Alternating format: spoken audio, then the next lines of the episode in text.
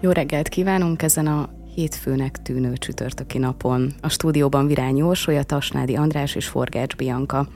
Magyarország kormánya Facebook oldalán Szent Királyi Alexandra, kormányszóvivő arról beszélt, hogy az új nemzeti konzultációban három olyan gazdasági témájú kérdés is lesz, amelyekben, idézem, Brüsszel megtámadta Magyarországot, és ránk akarja kényszeríteni a saját akaratát. Ö, elsősorban a rezsicsökkentés eltörlése, kamatstop és extra profitadó eltörlésére vonatkozóan lesznek kérdések várhatóan a nemzeti konzultációban. Nekem is van egy kérdésem hozzátok, hogy ö, én szerintem sok hülyeséget lenyelek. Millió egy hülyeségnek tűnő dolgot fejtünk meg állandóan. Minden mögött látni vélünk valamit, sejteni véljük, hogy miért van, stb hogy ezeknek a nemzeti konzultációknak mi a funkciója. Mert ez, tehát, hogy ez olyan szinten elejétől a végéig egy értelmetlen történet, hogy itt most ez, ez marketing? Mert ez annak sem jó szerintem már. Tehát, hogy tényleg valaki Ez a mondja kampány meg, hogy időszakon ne. kívüli kampány. De ez hol, tehát ez már hol kampány? Tehát én értem azt is, Információ átadásként kell kezelni, nem azt, nem, nem arra kell fókuszálni, hogy a véleményedet megkérdezik. Ott vannak a plakátok. De valakihez nem jut el, valakihez nem úgy jut el, valakinek az lehet, hogy túl egyszerű üzenet, viszont amikor egy ilyen három-négy soros kérdésbe belefogalmazzák azt, hogy Brüsszel megint ki szeretne velünk szúrni, és egyébként meg szeretné lefagyni a lakásodba, vagy Mert nem. Mert egyébként 180 ezer forintot kéne fizetned tehát ez is, mármint hogy ugye 180 ezer forintos kedvezmény, ugye, amit elmondott, ez itt csodálatos. Átlag, átlagosan. Igen, át, átlagosan mindannyian 180 ezer forint rezsit fizetnénk, hogy ne, igen. Nem. Ami úgy jön ki persze, hogy a mészáros sporról a rezsicsökkentésen 1,8 milliót, egy átlag magyar meg spórol rajta mondjuk 40 ezret, ami egyébként szintén nem kevés. Szerintem egyébként kettős funkciója van. Nyilván az egyik, amit a Bianca mond, hogy egy folyamatos kampányt folytatnak, folyamatosan teleplakátolják az országot, és ez az a pillanat, amikor nemzeti konzultáció van, hogy, hogy nem tűnik olyan nagyon funkciótlannak az, hogy éppen az ellenzéket szidják háború pártisággal, vagy, vagy akármivel. Tehát, hogy ez egy ilyen jó funkció. A másik, meg, meg az, hogy a, a maguk közegének, annak a másfél millió nagyon-nagyon elkötelezett Fidesz szavazónak, aki, aki cselekvést akar, aki részt akar venni a nagy honvédő háborúba, amit Orbán Viktor folytat, felajánlják, hogy, hogy honvéd, gyere, védjed Orbán Viktorral együtt meg a hazát, ragd a válladat Orbán Viktor válla mellé, és e, szuronnyal rohamozzátok meg Brüsszelt. És Ebben az orkán erejű szélben. Az orkán erejű szélben, és egész egyszerűen ez egy élmény. Tehát a, a politika az, az ad egy élményt a választóknak, hogy ő együtt harcol Orbán Viktorral, és, és mit tudom én, és ez, úgy gondolnak az emberek, mint mit tudom én, mondjuk a 48-asok gondoltak, már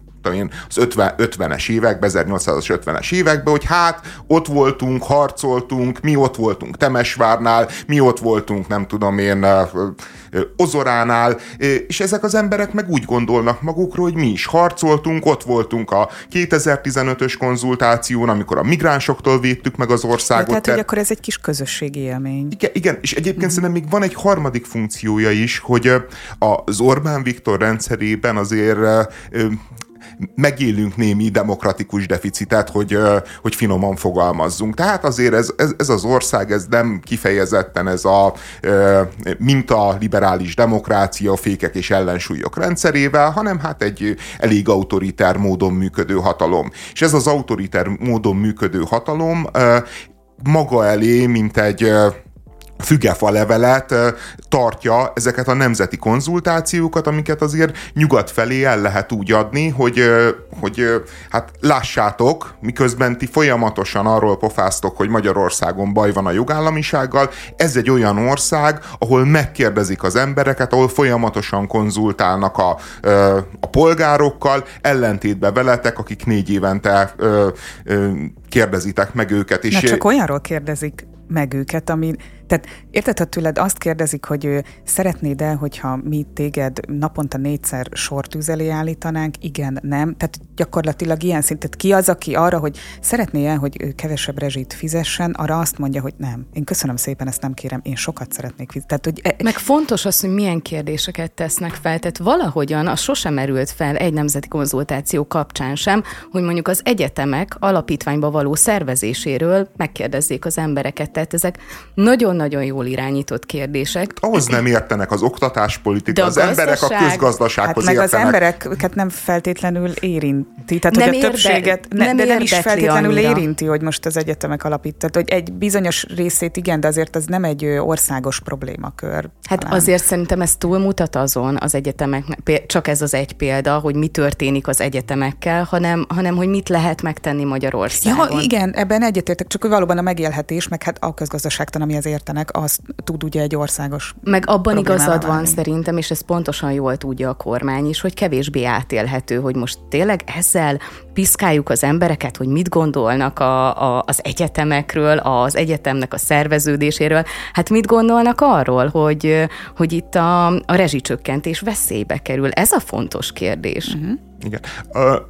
Egyébként most megint egy nehéz feladat előtt áll az ellenzék, ugye, mert két választás van ebben a helyzetben. Nyilván egy két érdemi választás van ebben a helyzetben. A harmadik, amit nyilván választani fognak, az egésznek a megúszása, és azt fogják mondani, hogy nem foglalkozunk a nemzeti konzultációval, ez egy manipulatív, amiben természetesen van igazság, ez egy manipulatív kérdéssor, ilyen így nem is lehet erről beszélni. Viszont hát azért lehetne két mondást mindenképpen kiizzadni magukból. Egyrészt azt mondani, például mondjuk beszéljünk először a rezsicsökkentésről, hogy mi támogatjuk a rezsicsökkentést. a rezsicsökkentés az egy nagyon jó politikai termék, amit mi is akarunk, az ellenzéki pártok is akarnak. Vagy lehetne azt mondani, hogy a rezsicsökkentés, és azt gondolom, hogy ez felel felelne meg a, a, egy ellenzéki karakterológiának, meg ez felelne meg az általunk ismert ö, ö, közgazdasági ö, törvényeknek, azt mondani, hogy ez a rezsicsökkentés, ez egy nagyon jól hangzó politikai termék, de a rezsicsökkentésnek iszonyú ára van, és amikor ránézel a fizetésedre, amikor ránézel a 27%-os áfára, amikor ránézel az ország költségvetésének az állapotára, vagy az egészségügynek az állapotára, akkor azt látod, hogy a rezsicsökkentést itt fizeti meg a magyar társadalom. Nincs ingyen a rezsicsökkentés, nincsen olcsó rezsi, csak az van, hogy egész egyszerűen bizonyos területekről egyébként nem is igazságos módon, bár most már vannak plafonok, tehát hogy most már rákényszerítette az élet az Orbánékat, hogy, hogy azért ne hogy, hogy, hogy bizonyos fogyasztás felett azért már ne, ke, ke, ne lehessen csökkentett rezsit fizetni, de, de gyakorlatilag ez egy, ez egy szocialista ö, gazdálkodás, egy szocialista termék. Ö, azért is működik Magyarországon, mert, mert iszonyatosan, ö, iszonyatosan rezonál az emberekbe a Kádár rendszer iránti nosztalgiával, és, és az ebbe való beleállás, az ezzel való uh, konfrontáció egyébként szerintem minden polgári, piacpárti politikának, meg gondolkodásnak a fundamentuma kéne, hogy legyen. Azt mondani, hogy ez rossz, nem akarunk szocializmus Magyarországunk, nem akarunk szocialis, uh, szoci, uh, szocialista viszonyokat, mert azok a szocialista viszonyok, nézzük meg Venezuelát, ami a világ legnagyobb olajkészletén ül, és gyakorlatilag éheznek az emberek, mert szocializmus van. Technikailag szerintem ott van egy picike hiba az elméletedben, hogy nem arra gondol az ember, amikor látja, hogy ennyivel kevesebb rezsit fizetek, hogy hát hogyha ezt be kellene fizetni, akkor akár adott esetben a kórház vagy az egészségügy gyarapodhatna belőle, vagy kerülhetne megfelelő mennyiségű forrás ezekre a területekre, hogy hogy nem, inkább az fordul meg az emberek fejében, hogy ha ezt nem kapnám meg, akkor még egyel nagyobb jakton ö, ö, veretné Mészáros Lőrinc. És szerintem nem állnak annyira távol a valóságtól. Tehát így, ilyen szemlélettel... Gondolod, hogy ez van a... Nem. Csak mert az én fejemben az van, amikor meglátom ezeket a csekkeket, és ugye ott van, hogy mennyit spóroltam, meg mi a rezsicsökkentés, én mindig arra gondolok, hogy hát ezt nem tudnám befizetni. Tehát tovább már nem gondolom ezt a történetet. De pont ezért szerintem, mivel a magyar társadalomnak egy nagy része ilyen helyzet, de ez is, hogy hogyan mutatják meg ezt az összeget, ha jól emlékszem, akkor görgetve mutatják igen. meg, hogy mióta ez van, mennyivel többet kellett volna fizetni. Hát ez éves, vagy tehát, hogy igen, tehát ott van egy... Nem, sok éves. Sok, sok, nem, nem éves, bocsánat. Ó, a, a, de nem, nem igen. játszanak azért.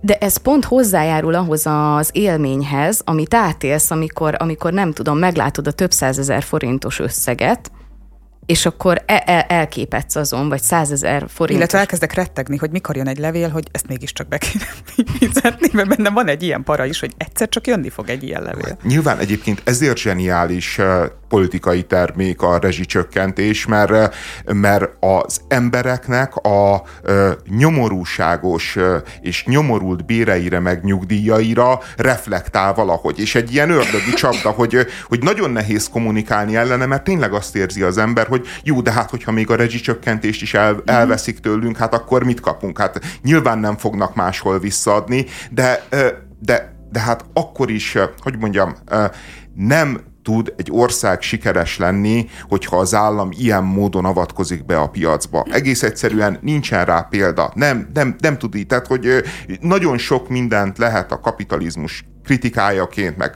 plusz szabályozásaként elmondani, de az, hogy egy szektorban hatósági árak vannak, és gyakorlatilag úgy működik, hogy az egy, ö, egy teljesen racionálisan gondolkozó ember mondjuk egy házfelújítás előtt azon gondolkodik, hogy rakjon rá extra szigetelést, amivel hosszú távon védeni a környezetet, csökkenteni, csökkenteni az energia kiszolgáltatottságát az országnak, ő is egyébként biztonságosabban élne, és, és hogyha lera, maga elé rakja a kockás füzetet, akkor az jön ki neki, hogy nem, nem érdemes felraknia azt a, mit tudom én, 10-15 cm méter vastag hőszigetelést, mert egész egyszerűen nem jön vissza, hiszen az az, az energia az olyan szinten alacsony, hogy hát... De aki így gondolkozik, az nagyon-nagyon bízik a magyar kormányban. Tehát ott nem merül fel, hogy ezt holnap eltörölhetik. Hát igen, de, de most olyan értelemben szerintem egy racionális dolog bízni a magyar kormányba, hogy most ö, ö, reálisnak látjuk, hogy az Orbán Viktor megbukik mondjuk a következő tíz évben és reálisnak tartjuk egyébként, hogy akármilyen vezetése is lesz az országnak, kihátrál egy a rezsicsökkentés nevű őrületből? Hát ugye volt ennek már a, a megvágása a rezsicsökkentésnek, már nem ugyanarról beszélünk, mint kettő évvel ezelőtt. Azóta már csökkentették a csökkentést. Erre akarok kiukadni, és az, hogy a további csökkentése a rezsicsökkentésnek, ami és rezsinövelés. Már, hát, hogyne is már akkor is egy ilyen közösségi pánik rohamban úsztunk itt hónapokig, mikor ez be lett jelentve. Igen, igen, tehát arra szeret, egyébként szerintem van létjogosultsága a rezsi támogatásnak szociális alapon. Tehát az, hogy ezzel olyan mértékben belenyúlunk a piaci folyamatokba, a közművek sem véletlen vannak állami kézbe, tehát vannak olyan szektorok, aminél szerintem ez valamilyen tekintetben elfogadható, ez nyilvánvalóan egy elhibázott hozzáállás volt, hogy teljesen szociális helyzettől függetlenül volt az az időszak, amikor még nem volt benne a mennyiséglimit, hogy mindenki ugyanazt a, azt a kedvezményt kapta. Tehát ez szerintem is hibás, de maga az, hogy valamilyen rezsitámogatás legyen azoknak, akik rá vannak szorulva, az szerintem nem egy elhibázott. Ja, persze, az abszolút, abszolút, csak egész egyszerűen, hogyha Magyarország egy kőolaj, földgáz nagyhatalom lenne, egy ilyen típusú működés akkor is rossz lenne, pedig meg lenne a föld alatt, hogy akár lehet ingyen is osztogatni, de még akkor se jó, mert egész egyszerűen, ami ingyen van, azt az emberek, vagy ami nagyon olcsó, azt egész egyszerűen nem úgy használják, mint ahogy racionális lenne, és hogyha nem úgy használják, ahogy racionális lenne, az egész egyszerűen tovább, különösen mondjuk az energia esetében, az tovább gyűrűzik az, a gazdaság Jó, minden csak ez igaz, a, ez igaz mondjuk a középosztályra hogy amikor házat építesz, és meg kell venni a 10-20 centi hőszigetelést, akkor azt a, azt a stratégiát választott, hogy hát nem térül meg, nem tudom, 20 éven belül. Ez egy más rétegnek a problémája, mint az, aki mondjuk rezsicsökkentés nélkül nem tudná kifizetni a, a fűtését. Tehát én azért szétválasztanám ezt a két, két dolgot.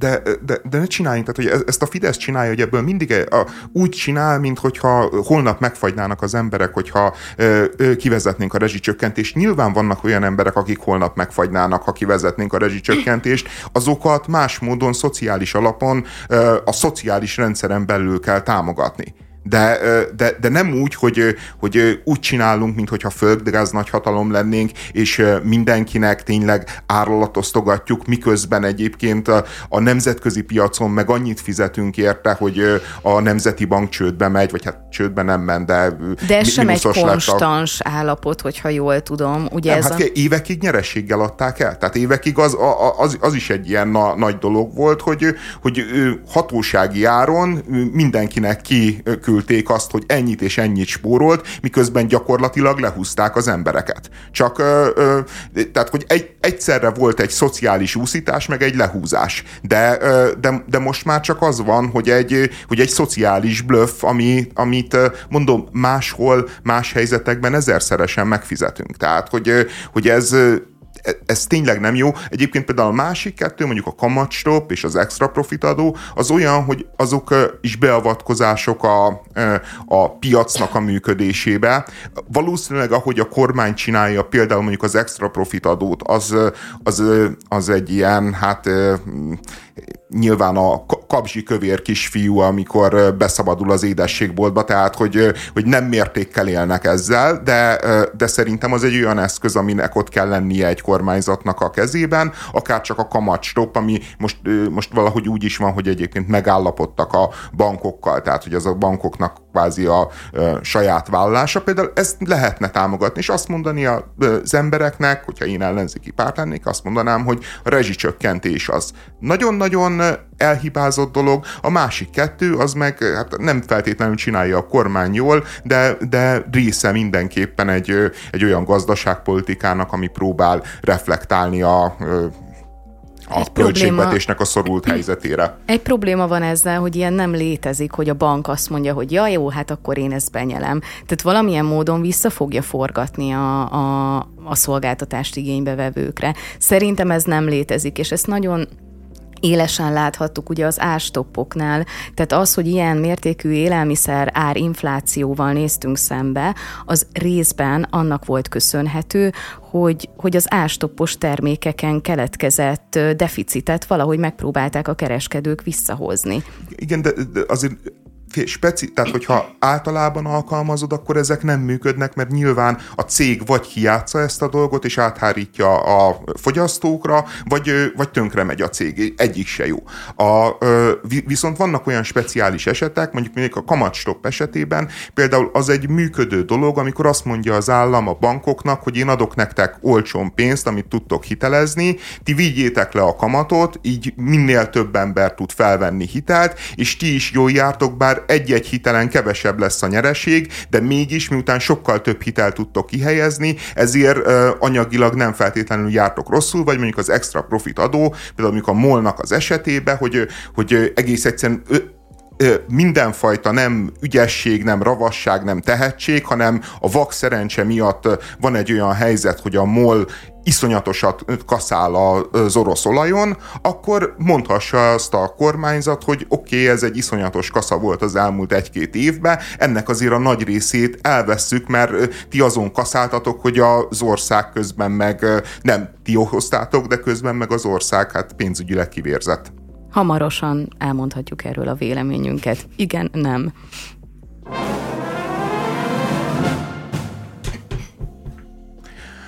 Közösségi költségvetés szavazásakor kapott jelentős támogatást az a projekt, amit, ami a nyugati és a jászai tér közötti védett biciklisávok kialakítására tett javaslatot. A, kivite, kivi, a kivitelezés a napokban kezdődik, és előreláthatólag három hétig tart majd. Ez a közösségi költségvetéshez Budapest közösségi költségvetése, ami a Karácsony Gergelynek az egyik ígéret, választási ígérete volt. Ugye arról szól a dolog, hogy lehet javasolni különböző projekteket, ami fontos az embereknek, civileknek, és hogy ha az átmegy egy szűrőn, utána meg szavazhatnak róla a budapestiek, hogy mit szeretnének, és hát megszavazták a jászai és a nyugati között ezt a felújítást. Ami nem egy Miért nézel így rám? Én is azt néztem, hogy Bianca ilyen sokat mondó tekintettel. Nem, csak néztem, hogy, hogy meg szeretnél -e szólalni, csak ezt próbáltam így felmérni, de akkor nem sikerült. De nekem kérd, kérdésem van, mert hogy szerintem egyébként ez nem egy rossz ötlet, sőt, mondom ezt úgy, hogy én nem ö, járok kocsival. Ö, a bennem, ami felmerült ennek a hírnek a kapcsán, hogy ö, pont ezen a szakaszon, tehát itt a jászai és a nyugati között, ugye temérdek bérelt, tehát irodaként használt lakás, elképesztő mennyiségű ügyvédi iroda, minimum három színház, most ami így eszembe jut, ami a környéken van. Tehát, hogy a parkolási alternatíva az hogyan fog tudni megvalósulni, hogyha a jelenleg is nagyon kevés rendelkezésre álló hely, és amúgy teljes káosz, ami ott van, ez az egymás mögött álló kocsik ott a busz megálló előtt, után, nem tudom, hogy ez hova hova tud átcsoportosulni. Hát reméljük nem átcsoportosul, hanem eltűnik. Ez nyilván egy... Tudom, hogy ebbe bízunk, de én meg attól félek, hogy eltűnni nem fog. Pont most... A színházba járó emberek tűnnek el. Azok eltűnnek egyébként igen. is, igen. Nem kell színházba járni. Nekem, ami, ami ebben a projektben igazán tetszik, az pont ez a parkolóknak a megszüntetése, hmm. hiszen ez azért valamilyen tekintetben kockázatvállalás, bár a körúton ott szerintem egyel kevésbé, mint, mint bármelyik kerület egy, egy olyan utcájában, ahol, ahol sokan laknak, és önkormányzati út. Nekem tényleg ez a, ez az, a pláne az egészben. Én nem gondolom egyébként, hogy a körúton bárhol lenne helye parkolóautóknak, hiszen iszonyatosan akadályozza a forgalmat részben a kerékpárforgalmat, mert hogy gondoljunk bele, hogy párhuzamosan beállj valahova, ahhoz fel kell állnod a, a kerékpárútra, mm. és onnan betolatni. De nem ami... csak a kerékpár, figyelj, ott vannak ugye a buszmegállók, ott van a, a 9-es, a, a, Olyan a... Nagy, tehát én azt elég sokat járok ott, tehát hogy ott valóban történik egy ilyen állandó megállósdi amiatt, mert valaki parkol, mert valaki ott jogosan amúgy bénázik, mert iszonyú kevés hely, fölállsz a járdára, lejössz, tehát hogy van ott ugye áruszállítás is, tehát kismillió étterem az, ami a, a körúton végig megtalálható. Én azt is látom, hogy hogy küzdenek az áruszállítással, mert nem tudsz hol megállni. Nem hát ez, ez is megoldani. egy probléma, ami a, a körúton, és nem csak a körúton, nincsen megoldva, hogy hogyan történjen az áruszállítás, mhm. hiszen nagyon-nagyon kevés helyen van kint nem kevés helyen, de viszonylag ahhoz képest, hogy hány kereskedelmi egység van, vagy szolgáltatás, ahova igenis kell megoldott. Be kell vinni a giroszt a szerályba valahogy.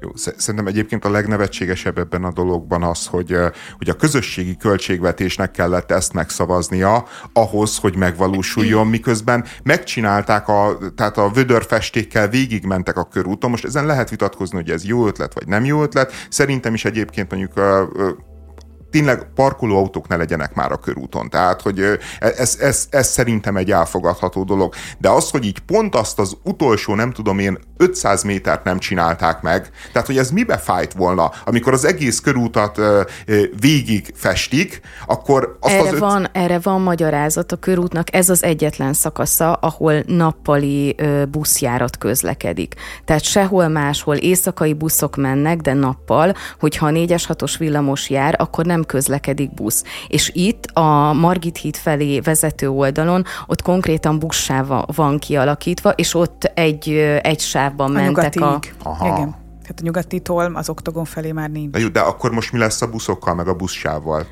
Ez egy nagyon jó kérdés. Nekem ebből nem derült ki teljes mértékben, hogy megmarad a buszsáv, vagy esetleg azzal történni fog valami, de van reményem, hiszen a parkolót megszüntetik, ergo fel... Annak a helyére kerül, és ilyen oszlopokkal lesz elválasztva. Felszabadul ö, keresztmetszetileg valamennyi mm. hely. De ezt miért nem tudták megcsinálni akkor, amikor csinálták a körutat?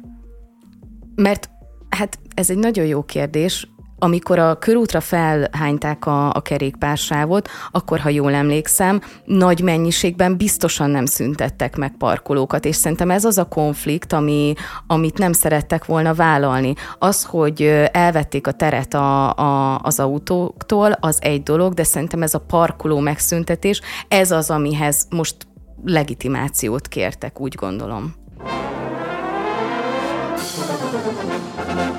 A 11. kerületi Facebook csoportból idézek most egy posztot. Nem tudom szó nélkül hagyni. Ma voltam vásárolni a Fehérvári úti CBA-ban. Kb. három hete voltam utoljára. A pénztáros mindenkitől kérte, hogy mutassák meg főnöki utasításra a táskáikat, szatyraikat, mert sok volt a lopás. Volt néni, aki majdnem sírva ment ki. Én kérdeztem, miért csinálják ezt. Ez egyáltalán jogos? Nem tudom, mióta csinálják ezt, de nagyon megalázó azokkal a vásárlókkal szemben, akik becsületesek. És valahogy nem érzem jogosnak, hogy az én személyi, személyi dolgaimba belenéznek. Sok helyen voltam épp akkor, szóval nem jó kedvel jöttem el onnan. András, te nem ott laksz? Ja, ott lakom. Te voltál? El, elvileg a Dóri, a csajom, az lá, látott is ilyen nem motozás, mi ez, ilyen, fe, ilyen felszólítást, és, és hát nagy felháborodás volt ebben az új budai, lehet, hogy ez kismama csoport, amik itt aztán Azok nagyon mind, kemények, figyelj, a, a, a legkeményebbek. Az, az, az hogy, hogy vihetsz -e gyereket orr folyással óvodába, az olyan kérdés, ami, ami a, a Gyurcsány Orbán dilemmát zárójelbe rakja. Tehát, hogy így, így lényegesen nagyobb indulatok, és lényegesen de nem az van, hogy a kismama csoportokban minden topik ilyen, hogy, hogy, hogy be kell állni De valamelyik táborba. Kemény. Igen. Nem jó, szerintem általában jó fejek, én nekem azért az a Az oké, okay, de nem kapival néha... gurítanak, tehát hogy az, ők ott... Igen, de van néhány kérdés, ami nagyon-nagyon személyes, tehát a, megölöd a gyerekemet azzal, hogy beviszed nem tudom én milyen orral az óvodába, igen, hát ez, ezek már személyes dolgok, igen, akkor az anyai ösztön és a védekező ösztön az így beindul, és akkor nyilván nincsen megállás. És hát vagyonőr legyen a talpán, aki kismamát vizsgál át a CBA-ban, hát miközben vagy bevásárol, vagy a gyereket babakocsival, és nem tudom, igen. De azért kemény ez a sztori, én, én nem, nem hiszem, hogy ez általános lenne, és valószínűleg abban a CBA-ba se általános, mert én is szoktam oda járni, de, de hogy, hogy ilyen nem történhet meg. Tehát, hogy egész egyszerűen az, hogy, hogy a, a, a pénztárossal pakoltatják ki, meg, mert, mert egy vagyonőr, az elvileg erre, erre van. Azért alkalmazzák. Sem, igen. igen. Ja, azt is beszéljük meg, hogy mit csinálhat egy vagyonőr, de egy pénztárosnak abszolút nem feladata, abszolút nem dolga, és, és abszolút semmi köze hozzá, hogy kinek mi van a táskájában, meg hogy ott belenézzen. Hogy az... Valószínűleg nem ő találta ki magától, hanem minden bizonyal utasítást igen, ny- ny- igen, nyilván e- ez, ez a másik része az egésznek, hogy, hogy azért érdemes ilyenkor mindig megvizsgálni azt is, hogy van egy nyilvánvaló jogtalanság, meg jogsértés, de azért lássuk azt az elkeseredettséget, ami mondjuk egy ilyen típusú jogsértéshez vezet, hogy, hogy nyilvánvalóan olyan, olyan szociális állapotok vannak azért az élelmiszer áremelkedésnek köszönhetően, hogy egész egyszerűen valószínűleg a, a különböző lopásoknak a száma az drasztikusan emelkedhetett az elmúlt egy évben. Tehát amikor egy sajt mit tudom én, 5000 forint egy kiló sajt, akkor, akkor hát nagy a kísértés sok embernek. Az elmúlt egy évben, de már egy évvel ezelőtt is a, arról számoltak be, hogy nagyjából egyötödével növekedtek a bolti lopások. Tehát már az megelőző egy év is elég durva volt, és azt gondolom, hogy csak rosszabbodott a helyzet a, az elmult egy évben. És ráadásul ilyen termékeket lehetett hallani, tehát hogy, hogy Hús, sajt. Sajt, igen. Tehát, igen. Hogy, szóval nem, nem az van, hogy, hogy a, a boltban mondjuk mondjuk kapható nem élelmiszer is, tehát hogy, hogy azt lopod el, vagy a lazacot, hanem gyakorlatilag alapélelmiszerek én cáfolnám azt, hogy ez nem általános, hogy a pénztáros beleavatkozik egy ilyen, ilyen dologba. Nyilvánvalóan nem jó kedvéből teszi. Én Spárba láttam egy hasonló esetet. Egy héten belül kétszer voltunk ott, amikor bolti lopás történt, és az egyik esetben a kasszás néni, hát amúgy én vigyázba álltam, tehát olyan, olyan elánnal lépett fel a bolti tolvaj ellen, hogy, hogy tényleg csak pislogtam. Nyilvánvalóan feltételezem, ő sem jó kedvéből tette, úgy, hogy egyébként nem tudom, De hogy... a spárban mi... van biztonsági Van, őr. ez, ez, ez a Mert durva. a legtöbb spárnál van ATM, tehát hogy össze van kötve, csak ezért tudom, hogy ott a spárban tudom, hogy van ö, vagyonőr. Van Igen. vagyonőr, és ennek ellenére a pénztáros nő tessékelte ki, és vette el azt a szatyrot a, a delikvenstől, a, amit láttak, hogy ott töltött meg a, a spáros Valószínűleg azért, mert ugye ehhez a megalapozott gyanú szükséges. Na most, hogyha a pénztáros látta azt, hogy mi történik. Na a pénztáros ugye... szerintem nem láthatta onnan, ahol ő ült. Aha. Feltételezem, de ez csak feltételezés, hogy valahol kamerán ö, ö, láthatták azt, Igen. hogy mi történt. Tehát akkor ők egy lépcsőt hagytak ki azál, azzal, nem egyet hogy nem, szerintem. Úgy értem, hogy, hogy, hogy megalapozott gyanú esetén nem az volt, hogy szólt a vagyonőrnek, hanem oda került hozzá az ember, és ő már szólt, és akkor ugye a vagyonőr elvileg be tud ebbe avatkozni, tehát itt ki lett hagyva az a lépcső, hogy ez nem az ő dolga, hanem ha már oda kerül, akkor ő ellátja ezt a funkciót. Nekem ennek a Facebook posztnak a kapcsán az első, ami eszembe jutott, amit nem tudok, hogy ugye vannak ezek az úgynevezett ilyen egyoldalú szerződések, amilyen mondjuk egy ASF, hogy fogalmam sincs, hogy a Fehérvári úti CBA-ban nincs kiírva az, hogy ha te ide bejössz, mi itt a te táskádat átvizsgálhatjuk. És nincs kiírva, nincs kiírva. Na ezt akartam kérdezni, de, hogy ez nem mintha ez rendben lenne, ne, ha Nem kiírnák. lenne rendben, de... Nem, de az ugye valami, amit... Hát igen, mert, a, mert akkor azt mondod, hogy kirakják egy nagy táblán, igen. hogy itt minden embernek, vagy szúrópróba szerűen átnézzük a csomagját, akkor az tényleg neked egy döntésed egyébként teljesen jogszerűtlen lenne teljesen. az is. Tehát, de, de, de még mindig azért igen. a korrektség felé va, valamilyen gesztus, ellentétben azzal, hogy, hogy ott elkezdenek zaklatni téged a, a pultnál, mert a jogszabály egyébként egyébként azt mondja nagyon helyesen, hogy akkor lehet a csomagot átvizsgálni, és a csomag az, az itt a ruházat is beleértendő, hogyha, vagy megnézni, bocsánat, egész pontosan, hogy megnézni, mert itt az átvizsgálás a megnézés is két különböző dolog, tehát akkor lehet átvizsgálni, hogyha van alapos gyanú, tehát van egy, tehát láttad azt, hogy, hogy valamit elrak, akkor a biztonsági őr oda mehet, és megkérheti, hogy mutassa meg neki a csomagját, vagy mutassa meg a zsebét a, az ember, akit meggyanúsít ő a lopással. Erre még mindig mondhatja azt, hogy uram, én nem mutatom meg önnek, mert semmi köze, hogy mi, mi van a táskámban. Ebben az esetben a vagyonőr azt teheti, hogy szól a rendőrnek. Tehát nem önhatalmuskodik, nem kezdi el ő kibontani, ami van a kezébe, mit tudom én, annak a hölgynek vagy az úrnak, hanem szól a rendőrnek. Annyit tehet, hogy ha szól a rendőrnek, és ugye el akar menni uh, XY, akkor azt, hogyha tényleg van tettenérés, ott tarthatja. Tehát, hogy akkor... Uh, De va- saját kezüleg nem pakolhatja ki. Nem érhet hozzá, nem, érhet nem kuthatja át, sőt, átkutatni, tehát a ruházatot például rendőr is csak, tehát nőt nem kutathat át férfi rendőr, csak női rendőr. És rendőr kell, hogy legyen. És ketten. Igen. Egyébként. Három olyan, ezt én is meggondoltam, hogy itt kiszedem a szakirodalmat. Ugye, tehát, hogy szabályozza jogszabály azt, hogy mi a csomagátvizsgálásnak a feltételrendszere a vagyonvédelmi törvény. És hogy ugye a csomag tartalmának bemutatására három feltétel kell, hogy fennálljon. Egyrészt a megalapozott gyanú, hogy a vizsgálat alá vont személy szabálysértésből vagy bűncselekményből származó dolgot tart magánál. Tehát megalapozott kell legyen a gyanú, nem lehet szúrópróbaszerű. Felszólította a vásárlót dolgozót, hogy a lopott dolgot adja át, de ez nem történt meg, és az intézkedés a jogsértés megelőzés, illetve megszakítása érdekében szükséges. Egy szúrópróbaszerű történetnél ezek ugye semmilyen formában nem állnak elő, és erre a külön egyébként elég sok ilyen jogértelmezés kapcsolatos cikk van a neten, tehát ilyen különböző jogi fórumokon, hogy mennyire rossz az az elterjedt gyakorlat, tehát hogy ez a szúrópróbaszerű vizsgálat, ami ezek szerint nem egyedi. Én soha nem találkoztam még ilyennel, tehát hogy nekem ez volt az első. És ezt többen írják, hogy ez az általános vagy szúrópróbaszerű ellenőrzés nem felel meg a vagyonvédelmi törvény rendelkezéseinek, hiszen, tehát onnan indulunk, hogy csak alapos gyanú esetén intézkedhet az őr. És egyébként egészen extrém sztorik is tudnak lenni. Néhány éve volt, járta meg a sajtót az a történet, amikor szintén egy élelmiszerboltba elment vásárolni egy hölgy, és amikor kiment a, tehát már fizetett, és kiment azon a, az elektromos kapun, és az bejelzett, hogy, hogy valami van nála. A biztonsági őr természet, itt a biztonsági őr, nem a kasszás. A biztonsági őr természetesen nagy diadallal odalépett hozzá, pakolja ki a táskáját.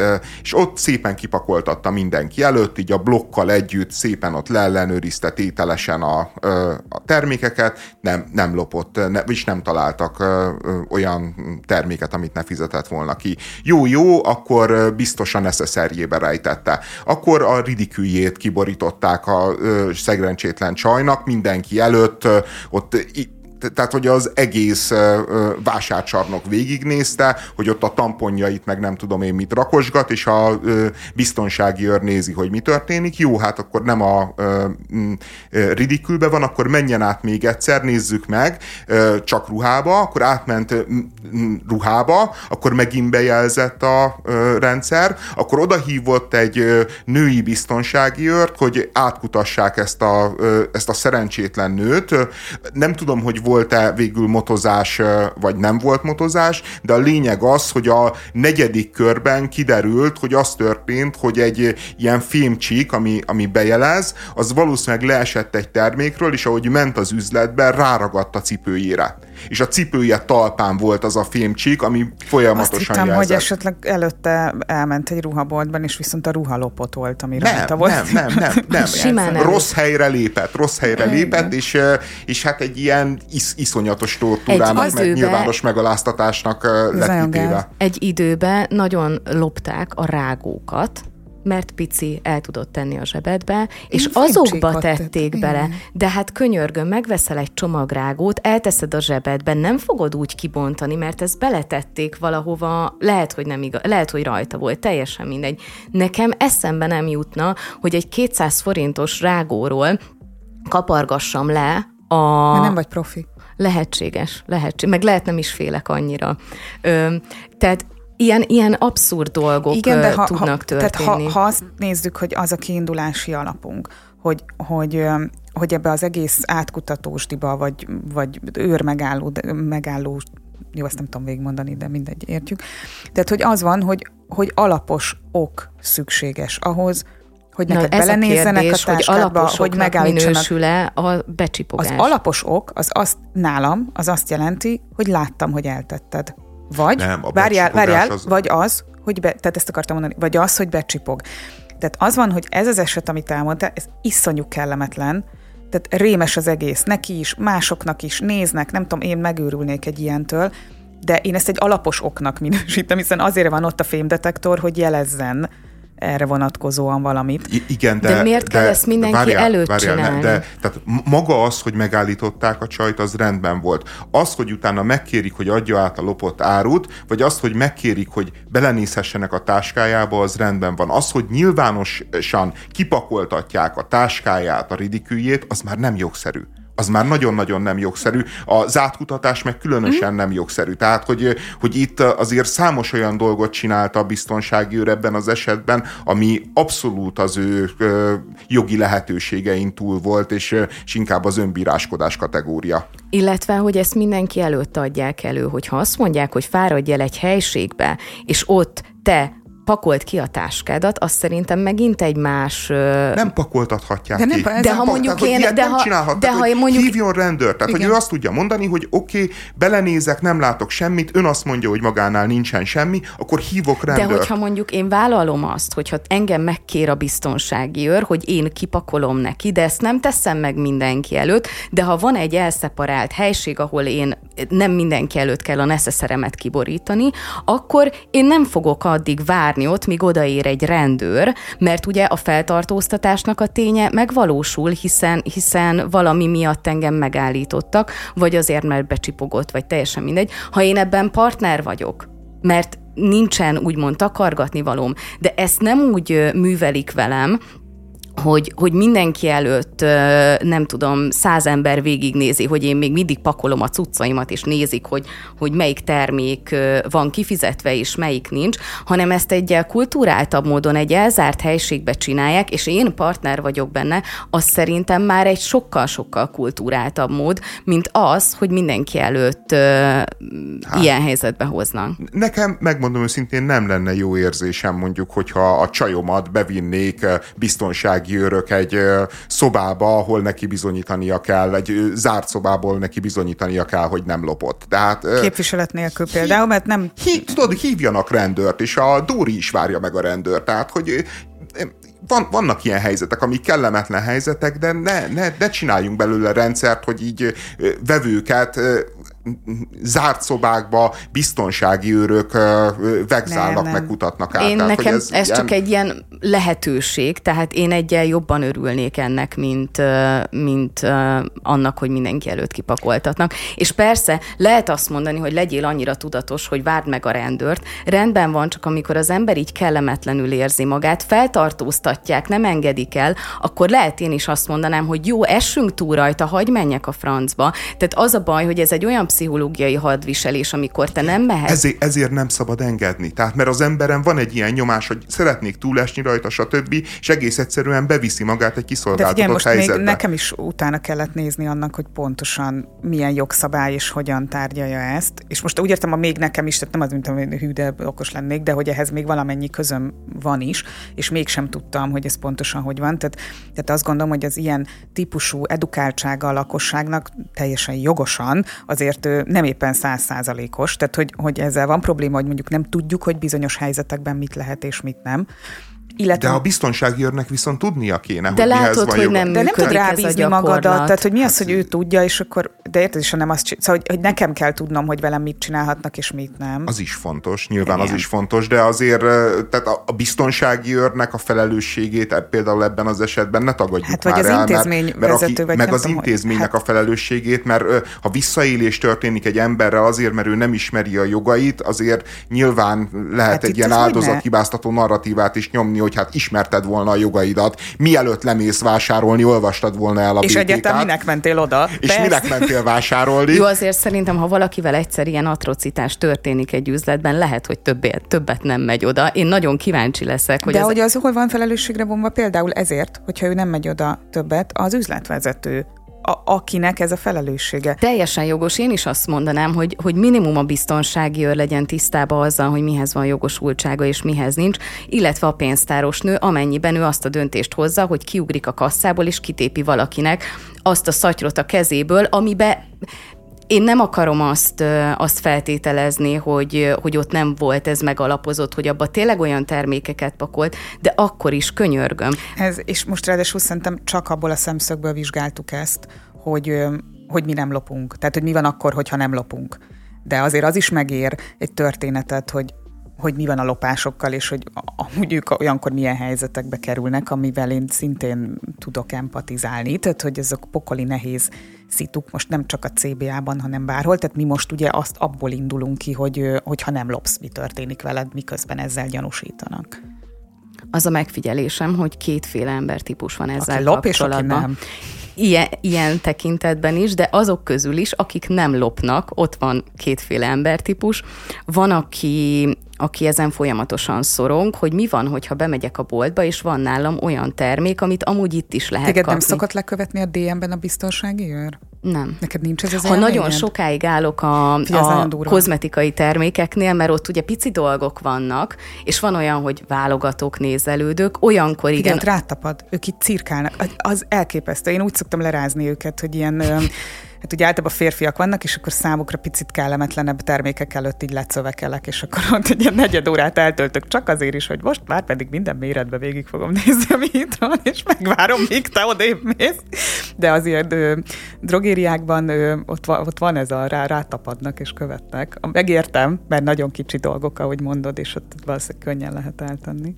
Szóval vannak szerintem a szorongó típusok, aki már, már tudod, hogy, hogy úristen, van nálam egy rágó, egy sajt, amit 10 perccel csinálom. ezelőtt vettem, és tudod, morfondírozol azon, Igen. hogy bemenjek a boltba, megmutassam, mit csináljak. Igen, én háromszor vagyok képes hazamenni, és lemenni újra, én mert van nálam cucc, tehát nem megyek be egyik helyről a másikra, mert én egyszerűen nem, nem bírom el ezt a stresszt, hogy engem ott megállítsanak, hogy de ez honnan van, és nekem magyarázkodnom kell, hogy nem azt a kínaiba vettem, mert ott olcsóbb volt, tehát onnan jöttem át ide. De hát csak akkor mész be, hogyha nálad van a blokk. Tehát, hogy a, azt megvetted, ott van van egy blokk és egy csomó termék, akkor bemész, de hogyha nincs nálad blokk, stb., akkor nem mész be. Van nálam blokk, én így is félek, ez olyan, mint abban bérlettem, és akkor is félek, hogy jön az ellenőr, tehát én ez a típus vagyok. Én meg az, hogy én a kezemben benne van, és úgy is bemegyek de így a kamerának megmutatom, amikor besétálok. Nem, bennem az van, hogy tudom jól, hogy nem nekem kell bizonyítani, hogy azt nem onnan szedtem el, hanem elméletileg az üzletnek. Tehát nem tudom, hogy felelősségre lehet. Meg, meg az van bennem, hogy minél kevésbé takargatom, hogy van nálam valami, annál előbb meg lehet nézni a felvételeket, hogy én egyébként valamivel a hónom alatt mentem be az adott boltba. Ez bennem semmilyen szorongást nem kelt. Lehet, hogy azért, mert még sose pakoltattak ki, lehet, hogy egy ilyen élmény bőven elég lenne ahhoz, hogy, hogy ne legyen... E- többet ne legyél ilyen tudatos. Ha a kamera felvesz ki, meg tudod mutatni a kamerának, akkor tök rendben van, de... Figyelj, volt olyan, hogy egy ilyen szemes kávé volt nálam, de be kellett ugranom még valahova, és nem volt nálam szatyor, a hónom alatt vittem, és, és az összes kasszás így meg akartam mutatni, láttam, hogy nagyon elfoglaltak, talán csak egy volt, és így annyit csináltam, hogy így fölmutattam a kamerának, és tovább mentem. Tehát... Na jó, de te a szuper szorongó vagy, tehát hogy nem, nem, nem akarlak elkeseríteni. Nem, szuper öntudatos, te... nem? Jó, szuper tudatos, de azért szuper elővigyázatos is. Tehát az, hogy így bemutat, most hogyha, mit tudom én, én elmegyek egy boltba, és veszek 8-10 mondjuk apró terméket, mondjuk túrórudit, rágógumit, stb., akkor mit csinálok a 8-10 terméket őket bemutatom a nem, kamerának. En... Nyilván, hanem nyilván hazamegyek, kipakolom a De, dolgokat, na, és na, én vissza. nem mennék én haza. csinálom. Én nem mennék haza. De ha nálam van a blokk, akkor, akkor tényleg ez, ez bennem van. Na jó, hogyha a blokk nálad van, tehát hogyha egy zacskó, benne a blokk, benne az azok De a van, ahol nem az... tételes, tehát akkor ezt is elmondom, van, ahol olyan blokkot kapsz, hogy nincs rajta tételesen, hogy mit vettél. Ó, nekem szokott ilyen lenni. És ott indul az, hogy én tényleg izzadva megyek át egyik a másikra, plusz, amivel szoktam találkozni, De ha nincs hogy... nálad blokk, akkor is nem neked kell bebizonyítani, hogy az már veled volt, amikor jöttél, hanem mondjuk, amikor a túróródik környékén meg sem fordultál, vagy nem álltál meg. De hát figyelj, már olyanokra szoktam gondolni, hogy ha, ha mégis ez történne, akkor vajon, amikor visszamegyek az előző helyre, emlékszik-e majd rám az eladó, hogy én azokat tényleg vettem. De amúgy az is van, hogy én is megpróbálom bemutatni a pénztárosnak, és most már többször találkoztam azzal, hogy így elküldenek, tehát amikor így bemegyek, hogy én szeretném mutatni, hogy nálam van, vannak dolgok, amiket itt is vehettem volna, de egy olyan helyen vettem meg, ahol olcsóbb, hogy akkor már azt csinálják, hogy ő menjek és a biztonsági őrnek mutassa meg. És ez már kétszer előfordult velem, hogy a biztonsági őr fogalmam sincs, hogy hol volt, a másik esetben meg kint cigizett. És azért az sincs, hogy én itt egy ilyen kisebb osztálykirándulást járjak le azért, mert szeretnék bejönni vásárolni, és esetleg bocsánat, de máshol is jártam. Tehát, hogy azért nincs ez olyan jól kitalálva. Nem, szerintem ez a... Igazi first world problémák ezek. Tehát, ez tényleg Belementünk a mélyébe. Igen. Hát rendben. A, a az... magyar élet igazi nehézségei. Jó, egyébként volt olyan, akit megvertek a, a Lidl-ben, mert azt hitték, hogy lopott. Volt valamilyen sztori nem régen. Uh-huh. Tehát a, a, annyira, Meg tudjátok, hogy a drogériákból, én ezt nagyon sokszor hallottam, tehát hogy ott tényleg ilyen iszonyatos helyzetbe tudnak hozni, hogy így, tehát, hogy, hogy így konkrétan régen az volt, azt hiszem, hogy ebből visszavettek pont ezért, de ilyen közösségi ügy volt ebből, hogy hogy így rád, rád áll a biztonsági őr. Tehát, hogy konkrétan nem tudsz vásárolni, mert jön veled. Tehát egy, ott, te ott gyakorlatilag egy gyanúsítottként létezel, amikor bemész egy fogkrémén.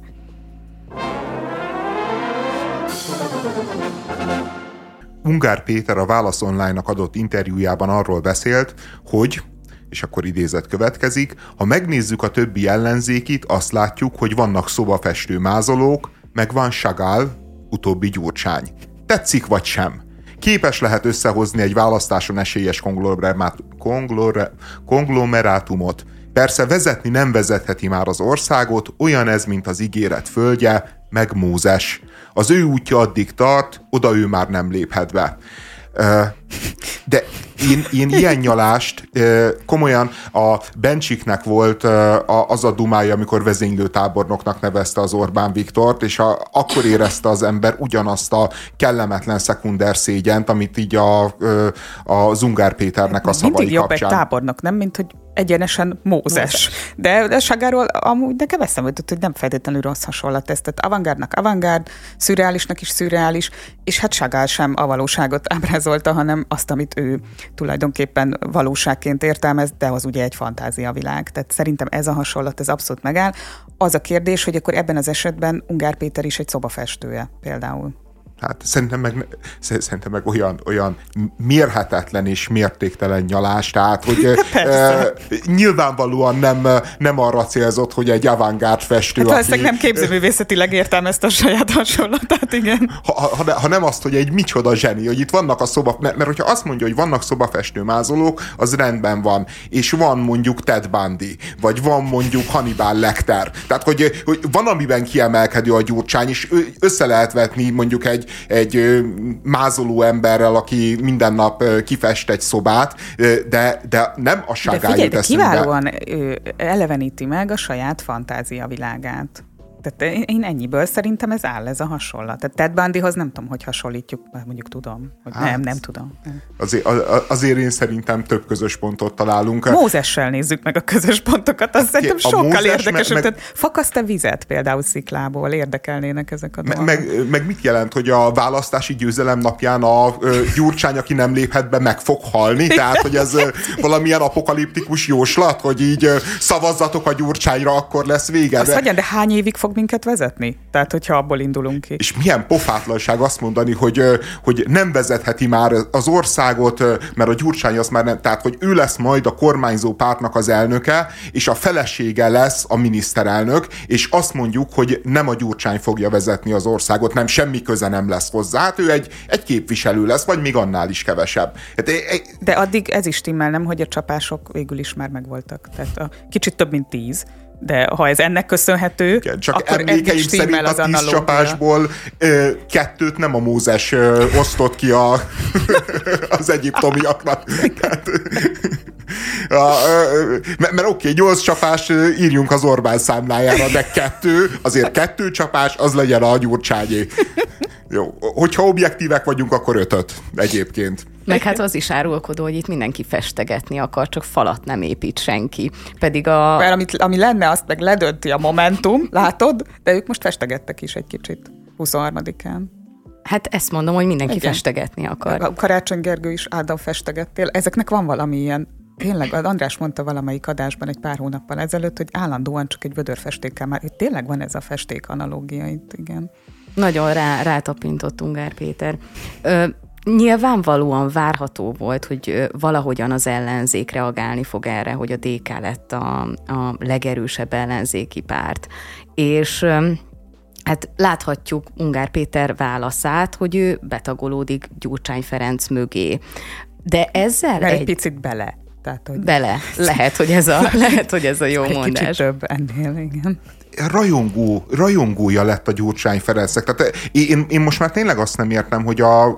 miért nem lép be a DK-ba? Miért nem lép be a DK-ba? Jó, van, grupizik van, mögötte, igen, ilyen látszat grupizás. Vannak dolgok, amikbe ők nem értenek egyet, de hát DK egy demokratikus párt, ott is lehetne vitatkozni. Szerintem, hogyha valaki ilyen tisztelettel van a főnök iránt, annak el fogják nézni, hogy nem tudom én, ökopolitikai kérdésekben mondjuk 20%-ban más gondol, mint a DK jelenlegi programja. Tehát, hogy egy egész egyszerűen nem értem Ungár Péternek ezt a különállásmániáját, mert, mert mi értelme? De ő, és ő megfogalmazta, hogy ő szeretne egyébként egy olyan kormánykoalíciót, ahol a DK-nak az SZDSZ-e az LMP és, és hogy milyen jót tenne az országnak, hogy egy ilyen vitatkozó uh, koalíció nem a lenne. DK, KDNP-je már így inkább. Hát, vagy a DK KDNP-je, igen. Egy kicsit.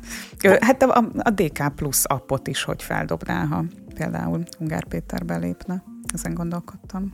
Mondjuk extra kérdésekkel lehetne bombázni, például a zöld témában a felhasználókat. Igen, csomó előnye lenne. Ja.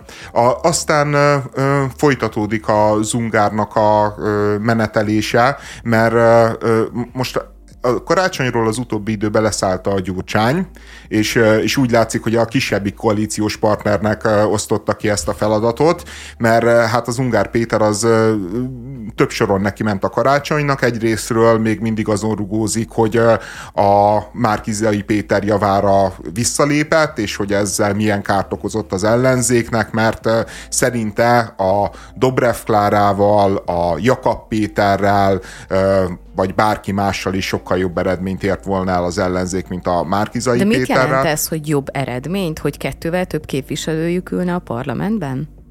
De hogy is, hogy Jakab Péterek kétharmad lett volna, persze. Ja, bocsánat, én, én kérek elnézést. Jó, nyilv, nyilv, csak, csak hogy így a, Karácsony Gergely, hogy főpolgármester maradjon vagy legyen-e, annak aztán tényleg semmi köze ahhoz, hogy ő visszalépett egy adott helyzetben a Márkizai Péter javára. Nyilván egyébként a Karácsony se lépett mondjam, utólag mindenki nagyon okos. Tehát a Zungár Péter is tehette volna azt, hogy azt mondja, hogy, hogy ne haragudjatok, a Márkizai Péterrel nem fog menni, én akkor ebben nem veszek részt ebbe az összefogásba. De Ugye, ami, amit így elárultál, kedves Karácsony De ezt Gergely. akkor kellett volna mondani, amikor Márkizai Péter elindult.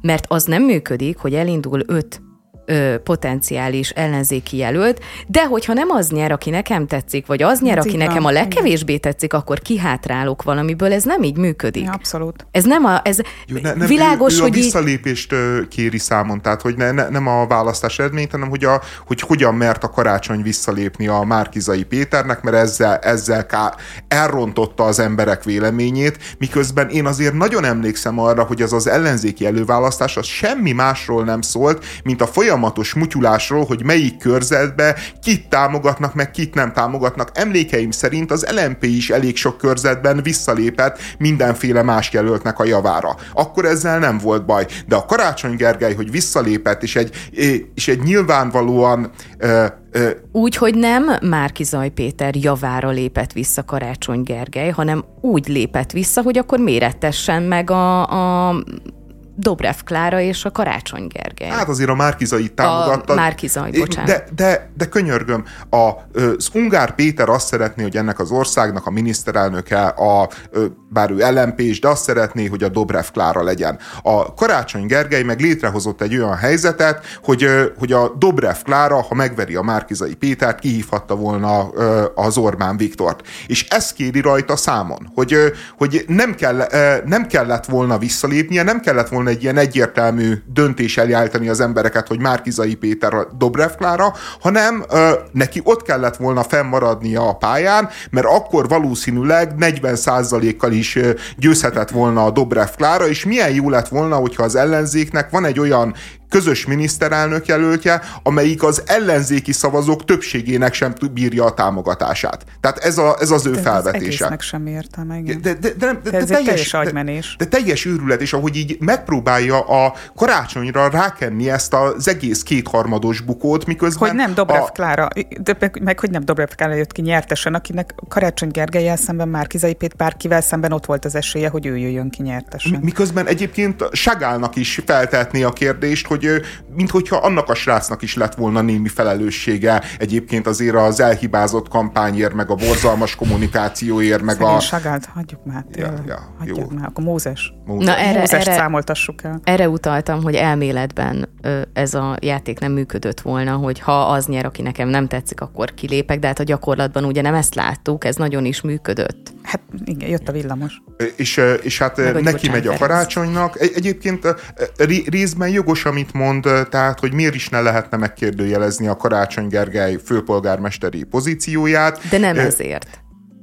Igen, meg, meg tényleg legyen egy számvetés, hogy mit ígért a Karácsony Gergely, mit nem teljesített, mit miért nem teljesített. Ez, ez jogos rész. Az viszont már nem jogos, hogy ő az, azzal ke, kezd nyomulni, hogy a Karácsony Gergely mindkét budapesti mérésük szerint, valami közvéleménykutatást csináltak, hogy annyit tud, mint az ismeretlen ellenzéki jelölt. És hogy emiatt aztán az ismeretlen ellenzéki jelölt oda tudna lépni a karácsony helyébe, miközben azért kis logikával ki lehet számolni, hogy az ismeretlen ellenzéki jelölt, az, az senki sem úgy gondol rá, hogy egy karácsonynál is rosszabb képességű ember, senki sem úgy gondol rá, hogy valaki, aki mondjuk beszélni sem tud, valaki, akine, akinek, mit tudom én, hatmázsányi korrupciós ügye van. Valaki, hanem, aki dékás. Igen, hanem az, az ismeretlen ellenzéki jelölt az a, az a az a csodavárás kategória, a messiás, a messiás. kategória. Tehát, tehát, hogyha a Karácsony Mózes. Gergely annyit tud, mint az ismeretlen ellenzéki jelölt, valójában a, ö, kimaxolja az ellenzéki szavazatokat Mert, mert amikor valaki az ismeretlen ellenzéki jelöltre beixeli, hogy ő arra is rászavazna szemben, mit tudom én, a Fidesznek az ismeretlen jelöltjével, a, akkor az nyilvánvalóan egy értékválasztás, és, és nyilvánvalóan oda a lehető legalkalmasabb, legkompetensebb figurát képzeli el, és nem mondjuk melyik ki az uglói polgármester, a Horváth Ho- Csabát. Csaba. Igen. Ja, hogy rúgjunk bele egy MSZP-sbe is, ha, ha már itt vagyunk. De hogy ez az interjú, ez már hogy itt ugye az új, nem tudom, az, az új ellenzéki magyar közlöny, ez a Válasz Online, de hogy nekem nem azt jelzi ez az interjú, hogy lesz olyan megállapodás, amelynek az értelmében, vagy szerintem hú, de rám De nem lesz, lesz megállapodás. Be fognak állni Szerinted? a karácsony mögé. Én nem én most pont... Én, Csak én előtte nem, gatyára vetköztetik. Csak előtte elindítanak egy dékes.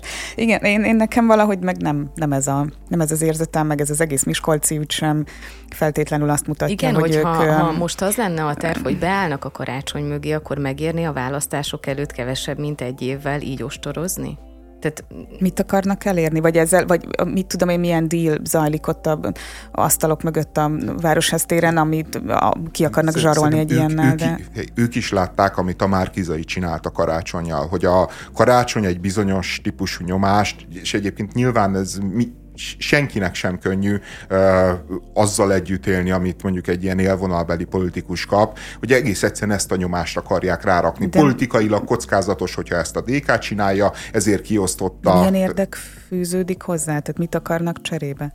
Hát szerintem azt, hogy a karácsony vegyen vissza az arcából, adjon át bizonyos területeket majd, amikor újra nyer a DK-nak, kapják meg, mit tudom én, a városüzemeltet, Na, én nem mondtam, hogy akkor így ledélen, hogy valamit ki akarnak zsarolni ezzel. Ja, ne, nem, hát egyértelműen így a helyére akarják rakni, és, és szerintem nyilván az se, az se lenne a gyurcsánynak ellenére, hogy a karácsony miközben azért folyamatos zárótűz alatt van jobb oldalról, elkezdi kapni balról az ívet, hát ha, hát, ha úgy dönt egy, egy gyengébb pillanatába, hogy azt mondja, hogy, hogy akkor nem csinálom, mint ami a Márkizaival megtörtént. Tehát szerintem itt, itt, itt kis tétekre is megy, tehát hogy kis hatalmi tétekre is megy a játék, meg nyilvánvalóan a karácsonynak a kikészítése az is egy, ez így Én ezt el, el, legitimnek tűnő politikai Nekem nem, nem ez volt az érzésem, tehát nekem pont valahogy úgy tűnik ez, mint hiszen azt látom, hogy, hogy Klára napvégénezik a Partizánban, a Karácsony Gergő is haknizik A-ból B-be, hogy akkor most már novemberben tényleg megállapod, és valami lesz, igen, lesz megállapod, de hogy közben meg nincs,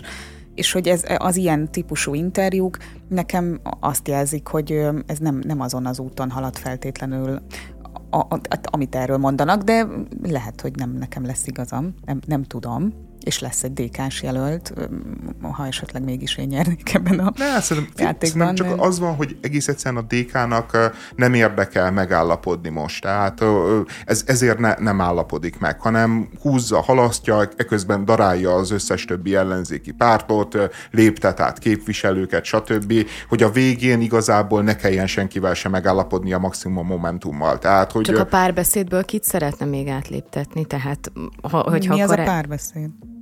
Tehát, hogy most érted? Tehát, hogy... Szóval a párbeszédből már senkit. Szerintem Igen. a párbeszédet azt, azt azért nagyjából legyakták. Tehát, hát erről beszélek. Tehát azért az, hogy Karácsony Gergelynek van köze ehhez. Hát ez... Ja, igen, de, de, de mondom, hogy a, a, szerintem ott a karácsonynak a leckésztetése azért ott ilyen városházi húzd meg, erezd meg is. Tehát, hát meg nyilván a személye ellen szól igen. Me, meg, meg azért akárhogy is a, a Gyurcsány, meg a Dobrev Klára azért Magyarország legmagasabb közvetlenül választott tisztségében nyilvánvalóan olyan embert szeretne, aki, aki nem, hát aki úgy beszél a Gyurcsányról, mint egy Mózesről, vagy mint egy Sagárról. Tehát mondjuk egy Ungár Pétert azt azért szívesebben látnának ott, mint a karácsonyt, aki azért sértett is ezer tekintetben, meg, meg egy csomó dologban abszolút ellenér érdekelt, mert, mert más gondol a, a világról, mint a DK. Pont egyébként a számára egyébként legfontosabb identitásképző kérdésben, ugye ebbe az autós közlekedés, stb., ahol a DK az, ahogy mindig szokta, másolja a, a Fidesznek a narratíváit, amit népszerűnek gondol, és, és ők azért ugye nagyon kemény kritikával illetik a, a karácsonynak az egyébként nem túl erőteljes zöldítését. Miközben az Ungár Péter e, hát meg egyébként meg azt kéri számon, miközben Gyurcsány Ferencér rajong, és azt szeretné, hogy a Gyurcsány Ferenc jöjjön egy főpolgármester, hogy miért nem zöldít erőteljesebben. Tehát, Jó, hogy... hát annyi oldalról kell támadni Karácsony Gergelyt, amennyiről csak hát lehetséges. Annyi felé kell nyalni, hogy már azt se lehet tudni. Illetve azért Gyurcsány Ferenc konkrétan megfogalmazta Karácsony Gergelyel kapcsolatban, mint kritika, hogy hát miért a városvezetéssel foglalkozik, miért a közlekedéssel foglalkozik. Itt ellenzéki bázist kellene építeni Budapesten. Tehát ez elhangzott, amikor a DK mondjuk beleszól ilyen közlekedési ügyekben, azt nem annyira tudom komolyan venni. Tudod, vannak ilyen... ilyen... Hát most is, most nem olyan régen volt egy ilyen éles kritika a Lánchíd kapcsán. A DK részéről. Hát ott ez a, ez a narratíva szerintem, hogy követi a, a Fideszes kommunikációt. Ja, nem, meg a Ferenciek tere volt, igen, nem, az volt egy DK-s képviselő.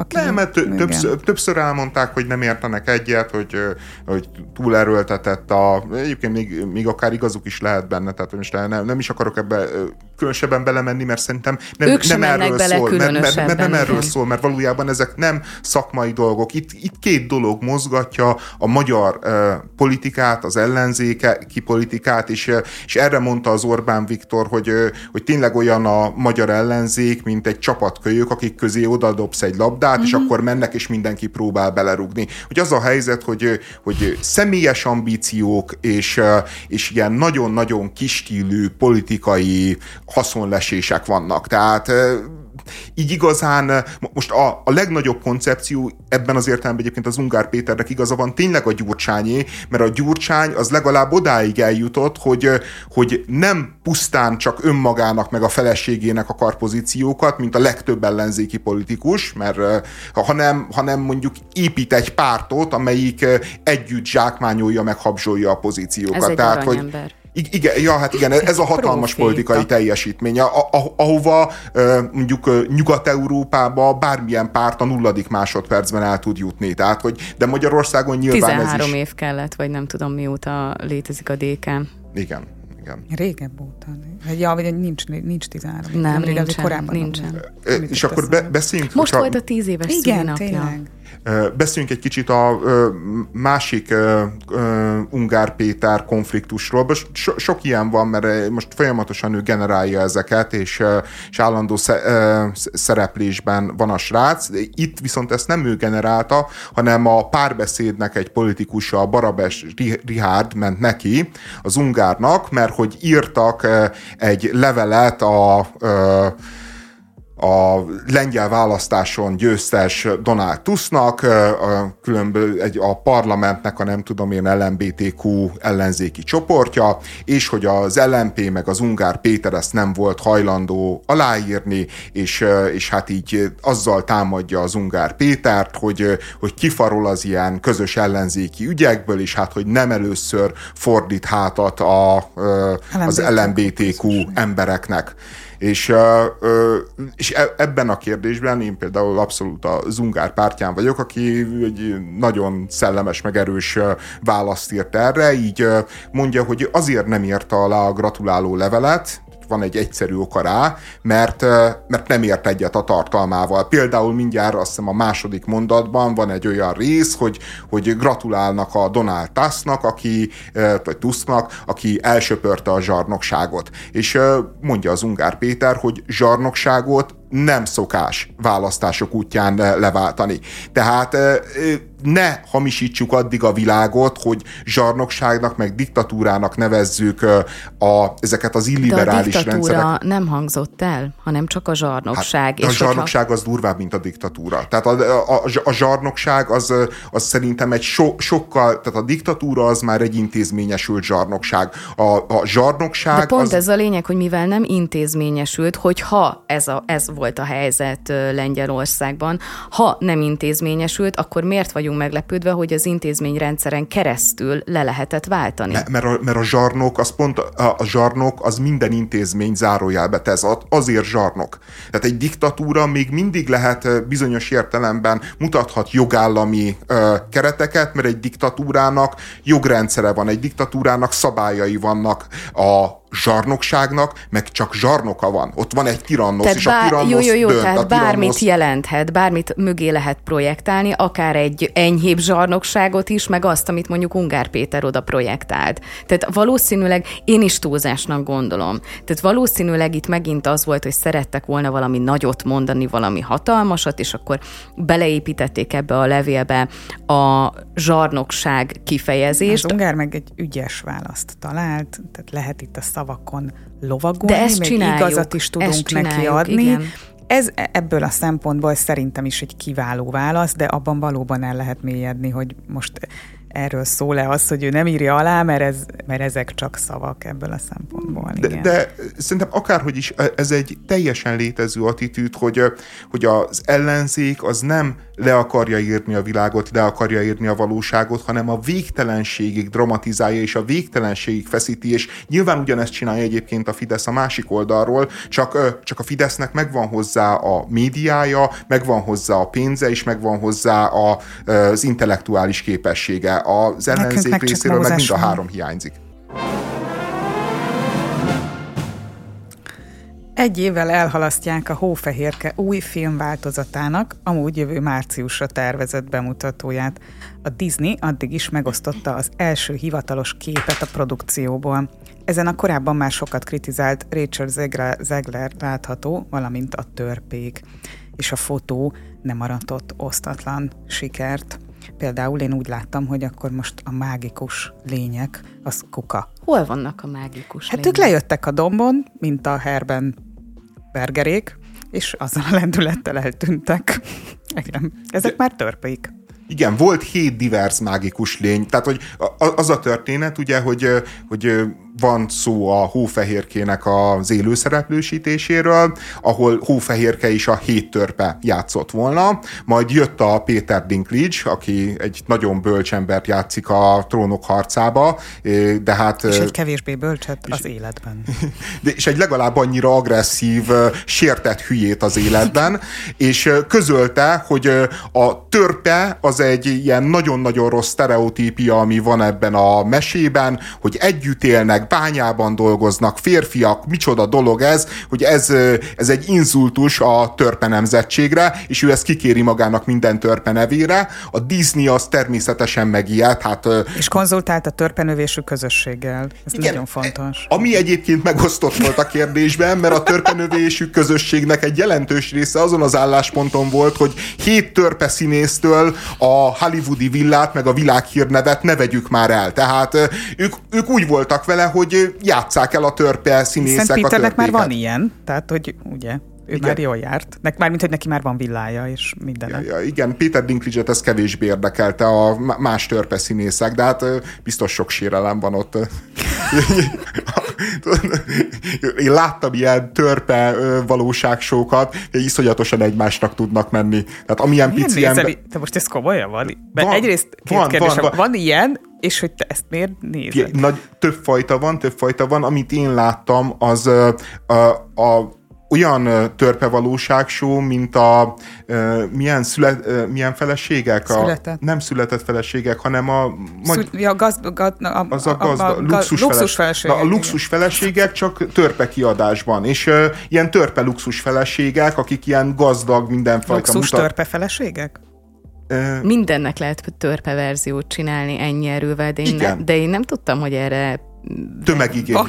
Ne viccelj, tömegigény van. Imá, imádják az emberek. Hát, az első szériája, az nem tudom, hogy az mindenfajta nézettségi rekordot megdöntött. Tehát, hogy a realitiken belül legendák azok a lányok, ahogy üvöltöznek, egymásra, egymásnak mennek, konspirálnak. Na mindegy, hát na, tehát, tehát hogy a törpe közösség megosztott volt, és viszont a Disney végül is úgy döntött, hogy azért... De várjál, reme... hogy jött ide ez a sorozat? Tessék? Elkezdtél valamit. Hogy jött ide ez a sorozat? Azt már nem tudom, az de... Egy, hogy, hogy sok a sérelem? Igen, hogy a Nem, nem tudom, hogy hogy jött ide. Az, Túl az sok hittem, törpét valami izé. láttak már a, a show businessben, és, és kellett a, a hely a, az egyéb, ö, nem tudom. Igen? Na, te hogy jössz ki ebből a mondatból? Az LMBTQ embereknek mm. például.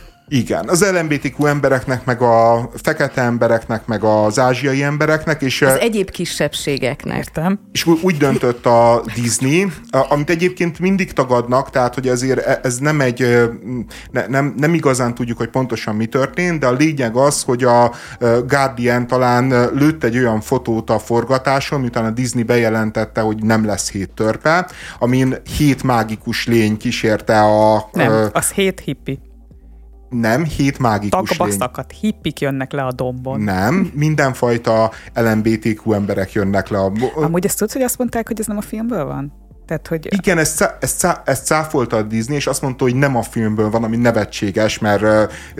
Hiszen felismertük ott Margót és Szundit. Igen, másrészt meg, meg a Guardian az beleállt, hogy ez a filmforgatáson lett felvéve, és utána meg kusba maradt a, a Disney. Tehát nem Igen. indítottak pert, nem mondták azt, hogy nem tudom én, hogy ez nincs, nincsen így, hanem volt egy cáfolatuk, és akkor azt mondta a Guardian, hogy talán a Guardian, hogy de ez így volt, és utána így le, lezárták és az ügyet. Konzultáltak a törpenövésű közösséggel, valamint a nem tudom, muzsika hangjainak a létrehozóival is rájöttek, hogy ez így nem jó, és akkor most mégiscsak megjelent hét darab törpe. CGI törpe. CGI törpe. De hát még nem jelent meg, mert az történt, hogy elhalasztották a bemutatót egy évvel, mert hozzák a CGI törpéket, de azokat le kell programozni, meg meg kell rajzolni. Akármilyen igénytelenek is, is. Egyébként tényleg nagyon kellemetlenek azok a CGI törpék ott a hófehérke mellett, tehát hogy kifejezetten tényleg? ronda igényt, nem?